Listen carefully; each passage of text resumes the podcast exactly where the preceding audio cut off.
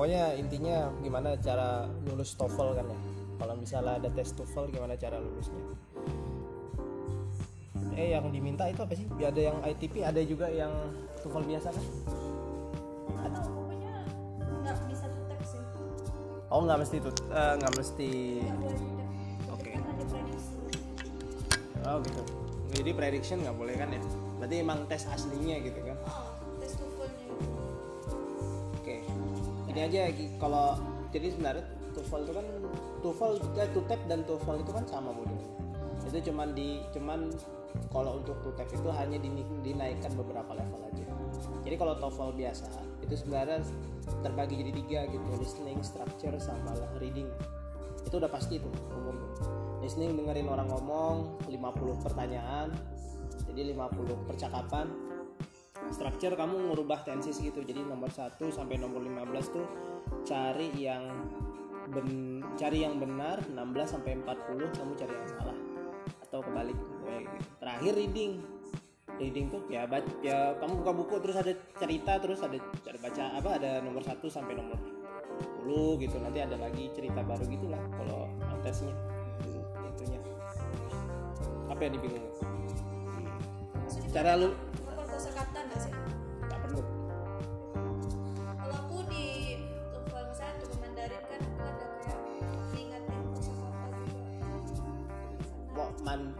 nggak tahu ya tapi kalau menurutku yang eh, yang aku pelajari untuk masalah reading eh, untuk di bagian reading section 3 terus ada soal-soal kayak kosakata ini di baris kesekian eh, sinonimnya adalah terus ada ABCD nya kan ada kata-kata.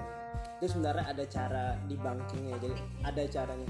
Jadi gini aja TOEFL itu sebenarnya itu semacam tes eh, psikotes jadi kayak mirip. Itu cuman kalau psikotes tuh dia pakai shape pakai benda gitu. Habis itu ada hitungannya dikit. Model yang sama tuh diterapkan di TOEFL jadi kayak di reading itu sebenarnya. Dari nomor 1 sampai nomor 50 tuh itu bisa kita bisa apa meng- bisa dipecah gitu mengkodifikasi. Jadi nomor satu misalnya soal pasti ide pokok. Soal ide pokok apa sih? Kalau pertanyaannya pakai what is the main idea atau what does the topic uh, what does the the passage mainly discuss muncul ada kata mainly discuss ada kata the best title judul ide pokok. Pokoknya itu pasti nomor satu dan jebakannya memang di nomor satu. Kita itu kalau buka buku kecenderungan kita pasti jawab nomor satunya. Jadi kayak buka kan adalah nomor satu paling dekat gini nomor yang lain tuh padahal masih banyak di bawah. Akhirnya kita kayaknya beberapa tuh akan cenderung ngabisin waktu di nomor satu jadi bacanya ba- lama gitu. Udah tahu udah tahu paragraf panjang gitu dihayati gitu. Iya bener. Padahal soal masih panjang di belakang. Dan biasanya kelemahan kita adalah me- apa, menjawab tuh sesuai dengan urutan. Nomor satu nomor dua nomor tiga sampai nomor 10 11 12 sampai 20 nanti kalau udah waktu tuh waktu satu jam kan kalau udah waktu tuh mepet pastilah nomor 40 atau nomor 30 yang ke belakang itu nggak dijawab karena habis waktu. Jadi kita kayak 30 nomor doang tuh yang kuat dijawab padahal yang di bawahnya masih mungkin ada pertanyaan yang lain gitu. Akhirnya waktu begitu udah waktu habis supervisor muter kan ngambilin kertas kan. Panik tuh auto panik mana udah kalau udah panik pasti tuh garis bujur lintang utara tuh. A, kita tuh B semuanya. Dan dan hanya di reading yang kita punya ke punya privilege untuk bikin asal kayak gitu. Coba listening. Listening udah kelewatan satu eh, satu pembicaraan eh, satu nomor orangnya udah lewat itu nomor tadi nomor 10 terus sekarang nomor 11 kita lupa nomor 10 juga ngomong apa udah nggak tahu tuh. Pasti blank ah B C D nya apa kayak gitu. Jadi memang ada kalau aku bilang taktiknya justru di reading ya. Jadi bisa mecah gitu. Jadi kayak oh ini pertanyaan vocabulary nih. Apa nih apa nih? Apakah dia minta sinonim? Apakah dia nanya kata kerja atau kata benda? Satu lagi misalnya ada soal kayak uh, reference. Ada he ada she ada it gitu. Nah ini dianya ke siapa nih? Nah gitu. Jadi masuk ke read kalau di aku sih karena aku ngajar reading jadi begitu masuk ke reading just itulah kesempatan buat nambah skor. Kalau udah lemah di structure atau di listening karena reading nih punya punya kebebasan waktu untuk milih mau ngerjakan paling depan dulu atau paling belakang dulu bebas kita milihnya. Di op- optimalnya waktu optimalisasinya pas di readingnya. Dan orang-orang banyak yang nggak ngeh itu gitu. Jadi waktu setiap aku ngajar tuh mahasiswa kaget gitu kan. Oh apa nggak biasa gitu kan. Caranya bukan yang tradisional tradisional ya mereka akan selamanya akan ngerjain dari nomor 1 sampai nomor 10 buka buku pasti itu dulu yang dikerjain. Padahal sebenarnya bisa aja cari dulu soal yang mana yang menurutnya gampang. Satu soal gampang tuh kenapa dibilang gampang? Satu ciri-cirinya adalah aja pendek. Pertanyaan tuh cuman pronoun he di baris kesekian reverse to. A B C D nya pendek-pendek jawabannya. Tuh soal itu. Karena apa begitu terbaca di mata itu paling bisa dikerjain. Soalnya nggak minta apa-apa lagi. Cuman ada kata he di baris kedua terus siapa he nya nanti A B C D nama orang. Atau A B C D nama benda gitu. Tuh soal-soal mudah. Yang kedua kalau soal A B C D nya ada angka. Jadi tiba-tiba nih misalnya uh, how many different methods atau ada kata how many. Kalau pertanyaan how many ABCD nya tuh pasti jumlah ada 100 ada berapa? Angka itu bukan kita hitung-hitungan ada di bacaan. Jadi begitu ketemu angkanya di bacaan itulah jawabannya. Gitu. Dua tuh. Terus yang ketiga kalau dia ada nomor baris. Jawaban ABCD nya cuma line 1 sampai line 2 saya paragraf tuh ah bener. itu cepat tuh benar. Karena kita nggak karena kita akan kita tuh akan kayak gini kayak gini ya langsung kayak gini. Kebanyakan orang readingnya tuh pas lihat ini alamat di situ nih alamat di sini analisis dulu dia di mana nih yang baris keberapa eh, apa bacaan mana bacaan mana. Padahal sebenarnya bisa langsung cepat dia. Ah, ini tiga nih jumlah nih kalau di jumlah-jumlah itu ada 20 nomor. Tergantung ada yang 20 nomor ada yang 18 nomor dan seterusnya gitu. Jadi uh, uh, jadi dia bisa bisa nambah. Dan itu kita nggak bisa jadi kita bisa acak jawabnya. Jadi kita nggak jawab dari nomor satu lagi kita jawab dari nomor 8 misalnya. Kemudian nomor 10 nomor 18 karena kalau kayak gitu enak. Lembar jawaban tuh penuh kelihatan penuh gitu. Sementara kalau kita kalau kita pakai cara yang lama pasti lembar jawaban kosong dari nomor nomor bawah pasti kosong semua. Panik tuh oh pasti secara secara psikologis dia akan panik lihat kan? Aduh nomor 41 sampai 50 kosong nih dihasil apa gitu? Waktu udah mau habis. Jadi diajak kalau structure gampang lah. Sekarang structure tuh kan tenses simple present past tense past continuous past future. Yang sering-sering muncul dipakai untuk sehari-hari gitu. contoh mudahnya to be perubahan to be. Dari is menjadi was gitu. Mana secara apa secara ini mikirnya paling susah itu structure. Reading itu kalau kita tadi itu pakai cara pakai cara baru atau misalnya kita cekatan cari soal nggak berhenti di satu nomor cepat selesainya. Bahkan bahkan belum habis waktu tuh kita udah selesai dua. Nah, waktu di reading satu jam.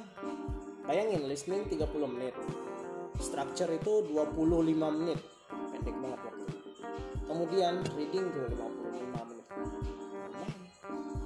Jadi begitu selesai reading dan ada nomor-nomor yang belum dijawab yang lain itu bisa di, bisa dikerjain gitu.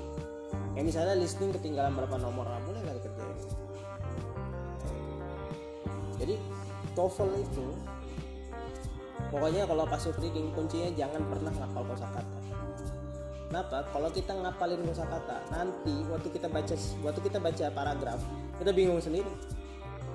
Bingungnya adalah karena kita begitu kita ngapalin nanti yang keluar lain gitu.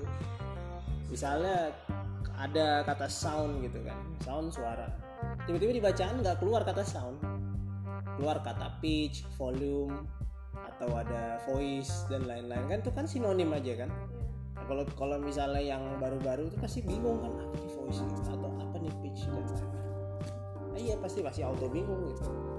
Caranya paling mudah kalau kosakata adalah ada dua yang ditanyain. Kalau nggak dia nanya kata kerja, dia nanya kata benda. Bahasa Inggris itu nggak pernah lepas dari subjek, verb sama objek.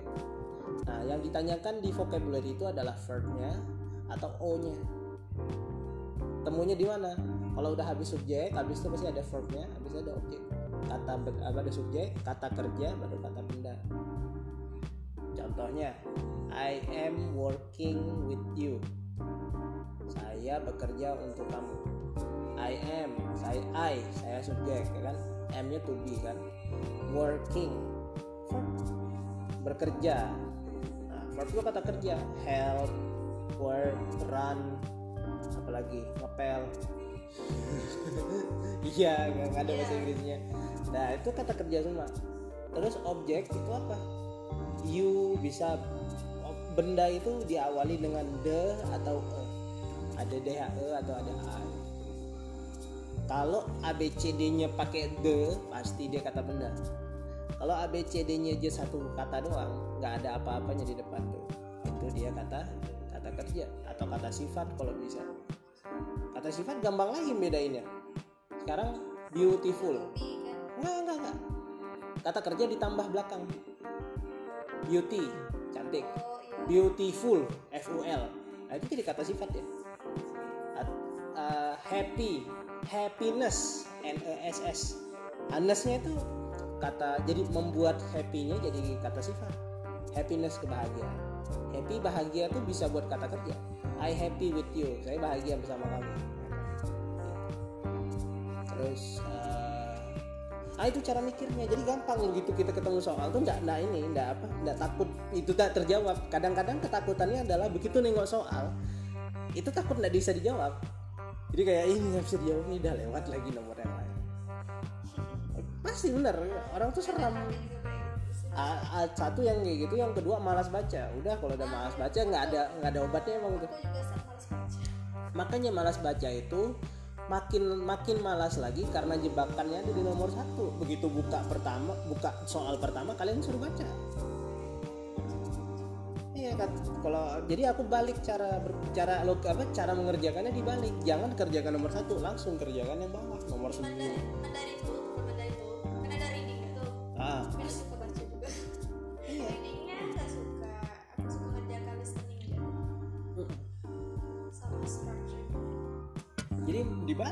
kalau kalau kita karena gini memang satu kita lemah dalam membaca kita nggak biasa baca kan? Kedua bacaan tuh panjang bahasa Inggris lagi. Udah pasti auto malas. Tuh udah sebelumnya listening sama structure udah pusing lagi kan? Begitu masuk reading bacaan wah tambah lagi malas kerja. Jadi sebenarnya pressure itu adalah ketika kita ngerasa semua soal di reading itu semuanya harus baca Kenapa bisa kayak gitu? Karena kita ngelihat nomor satu. Dan nggak mungkin salah lagi pasti nomor satu tuh pertanyaan adalah apa di kalimat utama. Bahasa Indonesia coba kita UN atau ujian SBMPTN pertanyaan nomor satu kalimat utama. Apakah kalimat utama dari paragraf di atas? Pas duluan kita?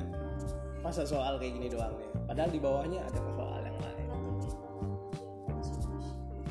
bahasa tuh bisa di debunking jadi tuh ada ilmunya. Kalau di apa namanya uh, dibahas ada sastra apa sastra Inggris tuh anak sastra Inggris tahu tuh ilmunya.